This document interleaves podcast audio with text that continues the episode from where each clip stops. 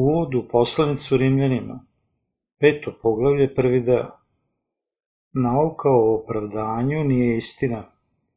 Pavle je objavljivao putem vere u ovom poglavlju da samo oni koji veruju u Božju pravednost imaju mir sa Bogom.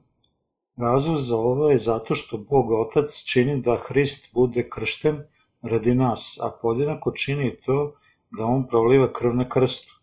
Međutim, mi takođe svedočimo da većina hrišćanstva danas nije sposobno da ima mir sa Bogom, jer oni nemaju ni malu trunku saznanja o Božoj pravednosti. Ovo je stvarnost radi onih koji veruju u današnje hrišćanstvo. Stoga, nauka o opravdanju nije prava pred Bogom. Sticanje Božje pravednosti sa verom u to je pravilnije od vere u nauku o opravdanju. Bog Otac nije rekao da će on zvati vernike u Isusa svojim narodom, iako oni imaju greha u svojim srcima. Bog ne prihvata grešnike kao svoju decu. Bog nije tako biće. On je spasitelj koji nikad ne pozdravlja osobu koja posjeduje greh u svom srcu, kao nekog iz svog naroda. Bog u koga verujemo je svemoćan. Neće li svemogući i sveznajući Bog tačno znati o svačoj lažnoj veri. Mi bi onda trebalo da znamo i verujemo da on ne zove hrišćane, grešnike koji imaju lažnu veru, kao nekog iz svog naroda. Svako treba da je istinit pred Bogom. Nauka o opravdavanju, kojom ljudi lažno znaju i veruju, je nešto što se ruga Bogu. Stoga mi treba da verujemo Isusa kao našeg spasitelja, nakon tačnog shvatanja istine o Božoj pravednosti. Bog Otac nije rekao kako je sve u redu radi čoveka koji posjeduje greh, zahvaljujući činjenici da li neko veruje Isusa ili ne. On je biće koje definitivno osuđuje grešnike radi njegovog njenog greha. Stoga da bi rešili svoj problem greha, vi treba da znate i verujete u Božju pravednost. Bog će videti vašu veru u Isusovo krštenje i krv na krstu i oslobodit će nas grehova, zato što verujemo u Božju pravednost. Bog nas naziva svojim narodom, grli nas i čak nas blagoslovi. Bog Otac dopušta da naša vera u njegovu pravednost bude ona valjana. Bog nije zemaljski sudija. Poverenje i verom u Božju pravednost je zasnovana na veri Avrama, koji je čisto verovao u Bože reči. Većina hrišćana se ne razume u doktrinu u opravdavanju. Iz toga mi treba da imamo jasno razumevanje o tome u ovoj tački. Vi sigurno znate da ne postoji tako nešto kao savršeno, tačno ili ispravno sudstvo načinjeno na bilo kojem sudu u svetu. Vi treba da imate na umu da sud ovog sveta uvek čini propuste u svojim odlukama. Razlog za ovo je što svo ljudsko sudstvo nije dovoljno i čak ignoriše Božju pravednost koja je apsolutni kriterij za dobro i zlo. Većina hrišćana je sklona da ne shvati Božju pravednost koja prosuđuje da smo pravedni po svojoj veri. Rimljanima poglavlje 5. Jer oni misle da njegov sud ima istu logiku kao i presuda grešnicima putem suda. Doktrina o opravdavanju je doktrina promašenog sudstva, To je stoga što je ova doktrina bila stvorena na osnovu ljudskog mišljenja. Ljudi su vešti da stvore promašeno sudstvo jer nisu svemoćni. Stoga oni lažno veruju Boga, koji ih je zaista učinio pravednima, svojim mišljenjima zasnovanim na doktrini o opravdavanju. Ovo ih vodi da veruju da je Bog rekao, ja vas pozdravljam kao bezgrešne, jer vi na neki način verujete u mene. Međutim, Bog ne može nikada učiniti tako nešto. Ljudi obično veruju da iako posjeduju greh, Bog ih i dalje priznaje kao svoj narod, jer oni na neki način veruju Isusa. Ovo je nešto zasnovano na njihovom ličnom mišljenju i nije ništa više od lažne vere, koja je rezultat obmanjivanja od demona. Stoga oni treba da izgrade svoje kuće od vere na veri u Božju pravednost. Kako može sveti i svemoćni Bog da sudi nekom ko posjeduje greh u svom srcu kao bezgrešnom? Da li Bog odlučuje da su oni koji posjeduju greh u svom srcu bezgrešni? Misliti i verovati da nešto poput ovog može biti istina je ništa više do nečije lično ljudsko mišljenje. Bog je Bog istine i nikada nije nepravedan. Kako može Bog koji je istinit u sebi da načini grešku u svojoj presudi kao što ljudi čine? To se ne može nikada dogoditi. Bog je pravedni Bog koji sudi onima koji veruju u njegovu pravednost kao bezgrešni, utemeljeni na njegovoj pravednosti. Da li znate o Božoj pravednosti? Da li znate i verujete u njegovu pravednost? Ova pravednost se može u potpunosti naći u rečima Evanđelja vode i duha. Da bi razumeli Božju pravednost o kojoj se govorilo u Rimljanima, vi treba da razumete i verujete u Evanđelje vode i duha. Nećete nikad shvatiti Božju pravednost ako ne učinite tako. Svako treba da shvati ovu istinu. Onaj ko razume Božju pravednost je onaj koji tačno razume istinu koja čini njega nju pravednima. Mi svi treba da verujemo u Božju pravednost koja je otkrivena u Bibliji. Drugačije, naša vera će zastraniti ako je zasnovana na lažnom ljudskom rasuđivanju i mišljenju. Ako imate ovu vrstu lažne vere već dugo, trebalo bi da poverite saglasno rečima Božijim upravo sada. Mnogi hrišćani uče doktrinu o opravdavanju iz teologije i mišljenja su da je to istina sve do sada. Međutim, vi treba sada da se vratite istinitoj veri putem verovanja u Božju pravednost. Božja pravednost je jasno otkrivena kroz veru u krštenje Isusovo primljeno od Jovana i njegove krvi na krstu. Tu je rečeno da nevolja uzrokuje trpeljivost.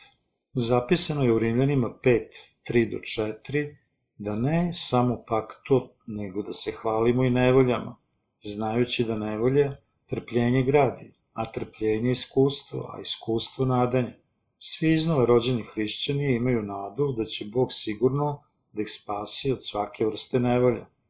Ova nevolja stvara trpeljivost i trpeljivost stvara karakter. Stoga pravedni koji veruju u Božju pravednost raduju se čak i u vremena nevolja. Pavle rekao da je vera u Božju pravednost nada za Božje carstvo i to nije nada razočarenja. Koju vrstu nade imaju pravednici? Oni imaju nadu koju mogu ući i živeti u carstvu Božjem. Odakle dolazi ova vrsta vere? Ona dolazi od vere u pravednost Isusa Hrista kroz ljubav Boga Oca. Gospod je rekao da se mi smatramo bezbožnjima, jer Hristos, još kad slabi besmo, umre u vreme svoje za bezbožnike. Rimljanima 5, 6. Od vremena pre nego što smo shvatili ili smo bili u majčinoj utrobi, ili kada smo bili rođeni, ili nismo znali gospoda, nismo imali drugog izbora osim da činimo grehe čitave svoje živote. Do smrti i napokon završili bi smo u paklu. Kada su naši preci Adam i Eva zgrešili, Bog je obećao da će poslati spasitelja rečima, ono će ti na glavu stajati, a ti, zmijo, ćeš ga u petu ujedati. Postanak 3.15 Saglasno ovom obećanju, Isus Hrist dolazi na ovaj svet, iako smo pre toga grešili, i spašava nas od svih naših grehova. On prima krštenje od Jovana, da bi ponao grehe sa sveta, iscrpeo ih prolivanjem svoje krvi na krstu. On je eliminisao naše grehe svojim vaskrsenjem iz mrtvih. Gospod je uzeo grehe čovečanstva i grehe bezbožnih. Zapravo, vaše i moje, kroz svoje krštenje, i spasao vernike od svih njihovih grehova, umirući na krstu. Da li smo pobožni? Pobožna osoba je ona koja ima strah od Boga i drži se podalje od greha. To je bila savršena pravednost Božja, kojim je dopušteno da Isus bude kršten za vas i mene, bezbožni, i bio raspet i potom vaskrso. To je takođe Božja ljubav koja nas je spasla dok smo bili i dalje neotporni. Baš poput izraelskog jednom godišnjeg zbrinjavanja grehova, koji su bili prenošeni na žrtvenu ponudu putem postavljanja ruku visokog sveštenika u starom zavetu, Levitima 16, 20 do 21, Isus Hrist ne samo da je uzeo sve grehe čovečanstva odjednom, putem primanja krštenja od Jovana Krstitelja, već je on takođe otišao na krst, da bi bio raspet, jer je on zbrinuo grehe sveta u Novom Zavetu. Božja pravednost ukazuje na činjenicu da je Isus Hrist oprao sve grehe grešnika putem primanja krštenja i prolivanja svoje krvi. Da li smo svi vi i ja pobožni? Nije li Gospod došao da spase nas grešnike, jer smo bezbožni? Bog zna veoma dobro da mi jesmo svi bezbožni. Mi smo bezbožni jer ne možemo drugo osim da činimo grehe od dana našeg rođenja, sve dok ne umremo. Međutim, primanjem krštenja od Jovana i prolivanjem svoje krvi na krstu, Hrist je pokazao njegovu ljubav prema nama još dok smo bili grešnici. Isus je izmenio našu destinaciju. Mi treba da mislimo o vrsti vere koju mi kao ljudi susrećemo, počevši od dana rođenja. Šta je bila naša sudbina od dana kada smo se rodili? Mi smo bili određeni za pakao.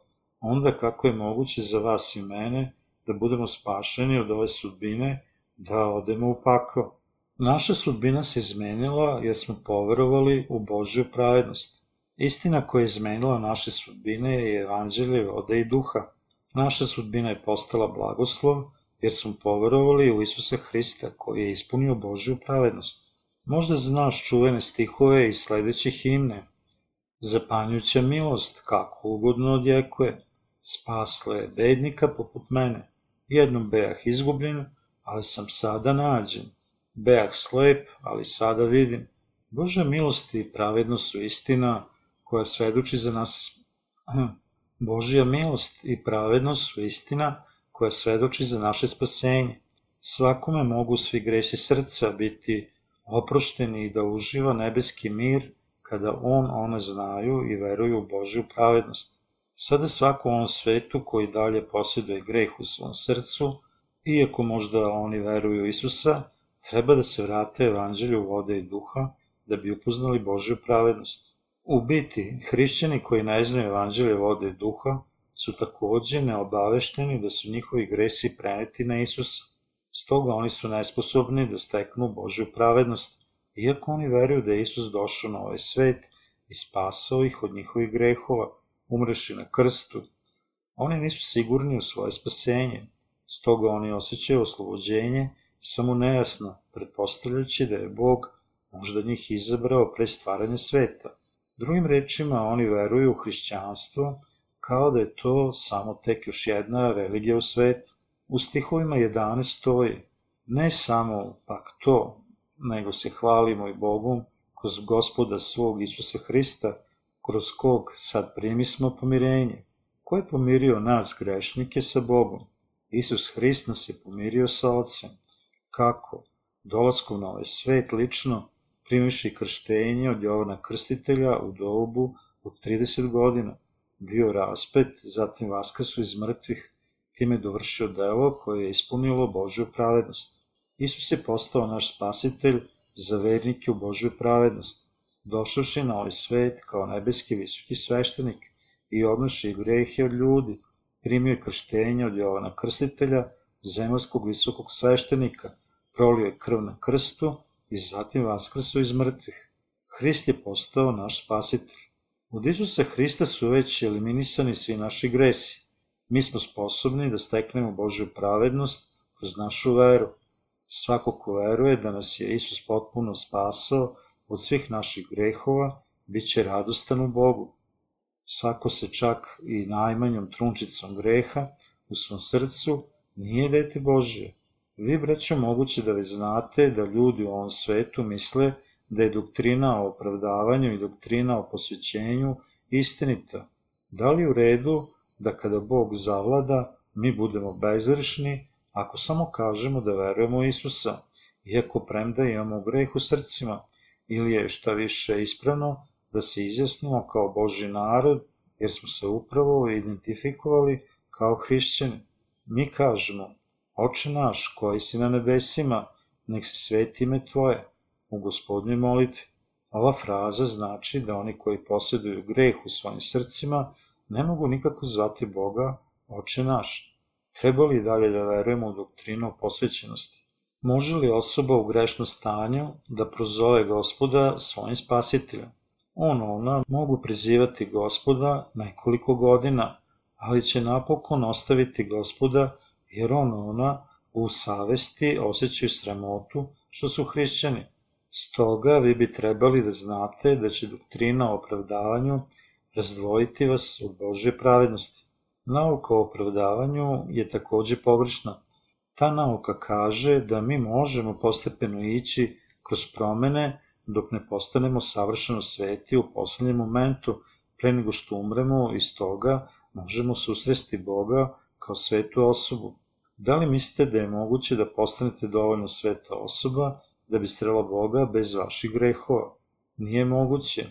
Istina nam govori da čovek može ući u Bože carstvo jedino poznavanjem i verovanjem u Božju pravednost. Podjednako je međutim kroz jednog čoveka greh ušao u svet. Hajde sada da čitamo stihove 12. Podjednako je međutim kroz jednog čoveka greh ušao u svet. Hajde sada da čitamo stihove 12. Zato, kao što kroz jednog čoveka dođe na svet greh i kroz greh smrt, i tako smrt uđe u sve ljude, jer svi sagrešiše. Kroz koga je greh ušao u srca svih ljudi i kroz koliko ljudi je greh ušao u svet. Pisma govore kroz jednog čoveka dođe na svet greh. Drugim rečima, tu je rečeno da greh počinje da postoji zbog jednog čoveka, Adama, a mi smo svi njegovo potomstvo. Onda kroz koga su gresi sveta nestali. Moglo bi se reći da se to dogodilo na isti način kao što je greh najpre ušao u svet. Gresi čovečanstva su nastali zbog ljudske nevere u zakon Boži koji je bio postavljen. Podjednako i sada, onaj koji ne veruje u Božje reči, ostaće grešan i završit će u paklu. Stoga mi treba da znamo sledeće. Mi nismo grešnici radi naših sobstvenih grehova, već radi duga naših predaka koji posjeduju greh. Vi bi trebalo da znate da je razlog što ljudi greše stoga što su slabi i imaju greh u svojim srcima. Greh počinjen od ljudi nazvan je nepravednošću. Razlog što oni greše je stoga što su rođeni u ovom grešnom svetu, zato što je svako sa nedostacima i rođen u ovom svetu nosi greh. On, ona ne mogu drugo osim da čine grehe. Mi smo postali izvorni grešnici, seme za greh, jer smo nasledili sve grehe od naših predaka. Međutim, vi sigurno znate da svako može postati sveto i pravedno biće odjednom putem vere u Božju pravednost. Kada je greh počeo da postoji u čoveku? Jer greh beše na svetu do zakona, ali se greh ne primaše kad ne beše zakona. Rimljanima 5.13 Da li je bilo greha pre nego što smo upoznali zakon Božji? Pre nego što smo upoznali zakon Božji, mi nismo razumevali šta je osuđeno kao grešno delo pred Bogom. Bog nam je rekao, nemoj imati drugih bogova osim mene, nemoj praviti sebi lika rezanog, nečeg sličnog ili bilo čega od onog što je nebesko ili što je na zemlji ili ispod zemlje ili što je u vodi, pod vodom, pod zemljom, ne klanja im se i ne služi im i ne uzima ime gospoda Boga u zalog i pamti subotnji dan, drži ga sveti. Pre nego što smo otkrili ovaj zakon Boži u 613 klauzula sa zapovestima koje nam kažu šta treba i šta ne treba da činimo, i zaista nismo znali o našim gresima. Stoga, jer greh beše na svetu do zakona, ali se greh ne primaše kad ne beše zakona. Zato što mi neznabošci nismo imali zakon i nismo ga znali, mi smo učinili grehe bez da smo bili obavešteni o tome. Većina Korejaca se molilo steni, misleći da je Buda, još uvek oni ne svetaju da služe rezanom liku. Oni ne znaju da je klanjanje drugim bogovima greh pred Bogom. Međutim, pre nego što je zakon došao, greh je već postojao u svetu. Bog nam je dao zakon oko 2500 godina nakon što je stvorio Adama. Iako međutim Bog daje zakon Izraelcima kroz Mojsija otprilike 1450. pre Hrista, greh je već ušao u svet kroz jednog čoveka, Adama, i nastanio se u srcima svih ljudi od početka i pre nego što je zakon došao. Isus je spasitelj svojeg naroda. Da li je Isus Hrist eliminisao sve grehe sveta sam i lično? Da. Ovdje u stihovima 14. rečeno da smrt vlada nad onima koji nisu zgrešili ili počinili uvredu saglasno po onom nalik Adamovom prestupu. Stoga Adam je bio tip poput njega koji je došao. Čovečanstvo je postalo grešno kroz jednog čoveka. Slično Isus Hrist je došao na ovaj svet i spasao nas od svih naših grehova kroz evanđelje vode i duha. Isus je postao spasitelj koji je spasao svoj narod od njihovih grehova. Postoji samo jedan spasitelj koji je spasao nas, Adamove potomke od greha, jer nema drugog imena pod nebom danog ljudima kojim bi se mogli spasiti. Dela 4.12 Njegovo ime je Isus Hrist, naš večni spasitelj. Mi moramo da razumemo da spontano postajemo grešnici kroz jednog čoveka, Adama. Da li znate da je Isus Hrist spasitelj koji je eliminisao grehe sveta odjednom? Da li verujete da je Isus Hrist spasitelj koji je upio sve grehe sveta svojim krštenjem i krvarenjem na krstu sve odjednom? Da li verujete da je Isus postao istinski spasitelj svih ljudi eliminacijom greha sa ovog sveta, baš kao što je Adam postao izvor svih grehova, počinivši jedan prestup. Isus je došao na ovaj svet da spase sve one koji su postali grešnici radi jednog čoveka, Adama, i uzeo je sve grehe čovečanstva, dobivši krštenje od Jovana. Primio je osudu za grehe na krstu prolivanjem svoje krvi i ispunio je svu Božju pravednost kojom je ostranio sve naše grehe. On je stoga postao naš savršeni spasitelj. Mi nismo stekli spasenje putem vere u doktrinu o opravdavanju ili doktrinu o posvećivanju nakon što smo poverovali u Isusa. Isus nam daje večno spasenje odjednom. Isus je rekao da samo oni koji su bili rođeni iznova vodom i duhom mogu ući i videti Bože carstvo. Koja je fiks ideja što postoji u osnovi ljudske svesti? To su principi za uzročnost. Oni misle duboko u svojim mislima da će njihovi pokušaj i nastojanja delovati na neki način do spasenja. Međutim, svako prima istinsko spasenje od greha samo putem vere sve odjednom kada on ona poveruju u evanđelje vode i duha. Šta više, Isus je došao na ovaj svet i bio raspedan spasa od greha. On je postao spasitelj svih onih koji veruju u istinsko evanđelje. Oslobodite se od bezrazložnog razmišljanja da neko može dostići očišćenje i napokon postati pravedan kroz molite pokajanja. U Bibliji jedan čovjek, Isus Hrist, dolazi na ovaj svet, biva kršten da uzme sve grehe i ispuni sve za naše spasenje kroz njegovo okajavanje, grehova na krstu. Isus nam je dao večno oslobođenje od greha, koje nije prilično našim prekršajima. U stihovima 15 stoji, ali dar nije tako kao greh, jer kad kroz greh jednog pomreše mnogi, mnogo se veća blagodat Božija i dar izli izubilno na mnoge blagodaću jednog čoveka, Isusa Hrista. Da li su vaši i moji gresi preneti na Isusa kada je on bio kršten? Jesu. Isus je otišao na krst noseći grehe sveta i primio je osudu za te grehe umesto nas. Bože spasenje je besplatan dar i to je rečeno da bi se razlikovalo od prekrše. Isus je spasao nas koji nismo mogli drugo osim da činimo grehe čitave svoje živote kroz njegovo krštenje i krv na krstu u toku njegove 33. godine života. Čak i nakon što pribavimo spasenje verom da je otpuštanje greha bilo ispunjeno odjednom, naša tela mogu nastaviti da greše, jer su nesposobna i slaba. Premda naša tela nastavljaju da greše, mi možemo i dalje da steknemo večno slobođenje od greha ako verujemo u činjenicu da je Isus odnao sve naše grehe odjednom primiši krštenje i da je on ispunio svu Božju pravednost prolivanjem svoje krvi. Dar spasenja za otpuštanje greha nije priličan Adamovom prekršaju.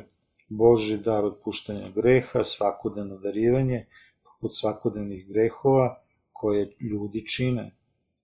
Istina o otpuštanju greha kaže da nas je Gospod već spasao od svih grehova odjednom, putem primanja krštenja i krvarinja svoje krvi oko 2000 godina ranije. Boži dar spasenja koji nas spašao od svih naših grehova je pravednost koja je bila ispunjena odjednom pomoću Isusovog krštenja i krvi na krstu. Večno opuštanje grehova nije nalik dnevnom izvinjenju kroz molitvu pokajanja koje većina hrišćana teži danas. Ova istina govori da je Gospod predvideo da ćemo grešiti svakodnevno i stoga je uzeo sve grehe sa ovog sveta odjednom kada je on bio kršten. Stoga Bog Otac je ispunio svu svoju pravednost putem sinovljevog krštenja i raspeća. Ova pravednost Božja je kompletirana jer je Isus bio kršten, krvario na krstu i bio vaskrsnut. Danas većina hrišćana veruje da su njihovi gresi oprošteni kada oni prinesu molitve pokajanja. Da li je to zaista istina? Naravno ne. Osoba koja misli da njemu, njoj, mogu biti oprošteni gresi nakon ubijanja nekog putem upućivanja molitve sa pokajanjem jeste pogrešno. Ovaj način mišljenja nije ništa više od ljudskog mišljenja. Da bi eliminisali grehe sa Bože strane, čovjek neprestano treba da plaća cenu za greh. Da bi ovo obavio, Bog je dao svog sina da primi krštenje od Jovana i on je upio sve grehe prolivanjem krvi na krstu. Gresi čovečanstva mogu biti oprani i eliminisani verom u Isuo krštenje i krv na krstu, ne u putem upućivanja molitvi pokajanja. Stoga Biblija kaže, jer kad kroz jednog pomreše mnogi, mnogo se veća blagodat Božja i dar izli izobilno na mnoge blagodaću jednog čoveka, Isusa Hrista. Boži dar spasenja preplavljuje. Baš kao što voda preplavljuje kada udari kiša preko noći bez obzira koje grehove smo počinili. Njegovo spasenje preplavljuje dovoljno da bi nas spasilo od svih naših grehova. Isus je odnao sve grehe sa sveta, primiši krštenje.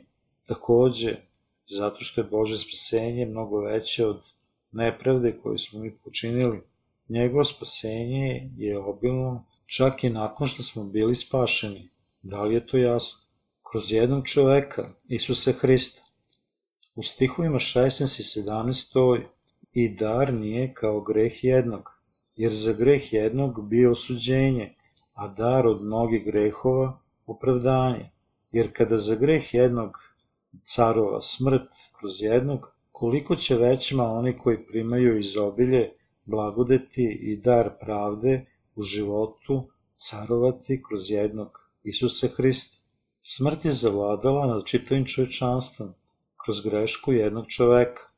Ovo ukazuje da je greh jednog čoveka, Adama, uzrokovao da svi budu grešnici i radi tog greha svako treba da se sretne sa Božim prokledstvom. Svako ko je zgrešio treba da umre i ode u pakao.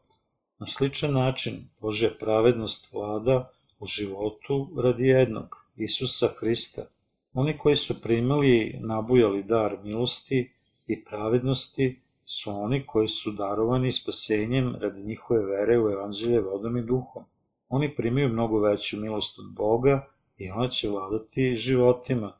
U stihu 18 stoji Zato dakle, kao što za greh jednog dođe osuđenje na sve ljude, tako i pravdom jednog dođe na sve ljude opravdanje života. Ovde mi moramo da postavimo pitanje i odgovorimo na to. Da li je ispravno misliti da kroz grehe jedne osobe mi svi postajemo grešnici? Da li ste postali grešnici radi vaših ličnih grehova ili radi grešaka vašeg predka Adama koji se suprostavio Bogu? Ako smo mi svi postali grešnici zarad Adamove greške, tada oni koji veruju u pravedno delo Isusa Hrista, načinjeno da nas spase od naših grehova, postaju pravednici. Ako neko veruje u Božju pravednost, da li su svi njegovi njeni gresi zaista eliminisani? Da, on, ona postaju bezgrešni. Pravdom jednog dođe na sve ljude opravdanje života. Primanje besplatnog dara Božje pravednosti ne znači da neko treba da se moli pokajnički svaki dan, da dosegne očišćenje greha. Nakon što je neko spašen putem vere u Isusa, nikada, niti to znači da su takozvane hrišćanske nauke sa sticanjem opravdanja putem vere, o kojima je apostol Pavle govorio, bile opravdane putem vere. Većina hrišćana imaju greh u svojim srcima, jer oni samo veruju u Isusovu krv na krstu. Stoga oni prihvataju i podržavaju doktrinu o opravdavanju da bi sakrili grehe u svojim srcima dok teše sami sebe, premda ima greha u našim srcima. On nas priznaje kao bezgrešne, međutim ova doktrina je besmislena i prokleta. U stihu 19 stoji, jer kao što neposlušanjem jednog čoveka postaše mnogi grešni, tako će i poslušanjem jednog biti mnogi pravedni. Ovde se pojavljuje jedan koji nije poslušan i drugi koji je poslušan. Jedan je Adam i drugi je onaj koji je ljudski spasitelj, Isus Hrist. Adamova neposlušnost čini svo čovečanstvo grešnim, međutim Isus sluša želju svog oca da izmiri ljude sa Bogom putem primanja krštenja od Jovana, umirući na krstu radi grehova sveta i vaskrsava da nas spase od naših grehova. Bog Otac čini sve vernike u Isusu potpuno pravednima kroz svoju pravednost. U stihu 20 stoji, a zakon dođe uz to da se umnoži greh, jer gde se umnoži greh, onda se još većma umnoži blagodat. Tu je rečeno da je zakon uveden radi naše nepravednosti. Kao potomci Adama, ljudi su izvorno rođeni sa grehom, još oni nisu upoznali greh, iako greše. Bez zakona čovek ne shvata greh kao greh ni malo i samo kroz Boži zakon čovek dolazi do uvida u svoje grehe. Međutim, kada dođemo do spoznaje zakona, mi počinjemo da shvatamo naše grehe. Oni ne znaju za svoje grehe dok ne dođu postepeno do shvatanja svojih grešnih dela nakon primanja zakona. Stoga Biblija tvrdi, a zakon dođe uz to da se umnoži greh. Jer gde se umnoži greh, onda se još većima umnoži blagodat. Ovo znači da kroz Boži zakon čovjek shvata svoje grehe i postaje njegovo dete putem vere u njegovu pravednost. Čovečanstvo može shvatiti Božju milost kroz istinito evanđelje koje sadrži Božju pravednost samo kada ono postane upozoreno na nedostatke i na grešnost kroz zakon. Oni koji su dobro upozoreni o svojim gresima pre spoznaje zakona po kojem su namereni da završe u paklu i stoga sa velikom zahvalnošću veruju Isusa koji ih je spasao kroz svoje krštenje i smrti na krstu, kako više shvatamo našu grešnost kroz zakon, više postajemo zahvalni uspostavljenju tako velikog spasenja pomoću Bože pravednosti. U stihu 21 stoji da kao što carova greh za smrt, tako i blagodat da caruje pravdom za život večni, kroz Isusa Hrista, gospoda naša. Ovde u Bibliji rečeno da greh vlada do smrti, međutim, Božja milost koja se sastoji od vode i krvi Isusa je njegova pravednost, zato što nas je njegova pravednost potpuno spasila od svih naših grehova. Mi smo postali Božja deca. Doktrina o očišćenju i doktrina o opravdanju su besmislene hipoteze koje su bile stvorene ljudskom logikom i stvorene od onog koji ignoriše Božje reči. Nije previše ko kažemo da takve doktrine nisu ništa više od iskustva filozofa teologa, koja nikada neće biti razmršena. Bože istina je čista i zdrava. Mi smo spašeni od grehova sveta putem vere u činjenicu da je Isus koji je Bog u liku ljudskog tela nas spasao od svih naših grehova. Oni koji imaju veru u njega spašeni su. Da li verujete u ovo? Da. Ako verujete u Božju pravednost, vi ste spašeni. Vi ste definitivno oslobođeni i spašeni od svih vaših grehova. Ako insistirate beskreno da upućete molite pokajanja i živite besprekornim životom da bi stekli očišćenje koje bi vas spaslo, onda vi tvrdoglavo istrajavate u tome da budete spašeni bez Isusa. Isus je samo ulaz do spasenja, bez obzira što prevaran doktrina u nauku očišćenja uči kako je moguće spasiti se putem svojih ličnih dela i nastojanja, bez obzira na istinu. Stvorenje nije sposobno da brine čak ni 0,1% o zakonu, isto kao što ne može ni 100%. Bog ne kaže da mi nismo sposobni da poslušamo čak ni 0,1% njegovog zakona. Oni koji misli da vode brigu o zakonu oko 5% i planiraju da povećaju na 10% tokom vremena jesu oni koji ignorišu svoje lične sposobnosti i upravljeni su protiv Božije pravednosti. Ne pokušavajte da shvatite Božiju pravednost svojim ličnim shvatanjem i logikom. Njegova pravednost nas je spasla od naših grehova i očekuje od nas da verujemo u to da bi mogli postati njegova deca. Bog je svemoćan i milostivi, stoga nas je On spasio svojom pravednošću odjednom. Mi zahvaljujemo Bogu radi Isusovog krštenja i krvi na krstu, čime nas je potpuno spasao od svih naših grehova.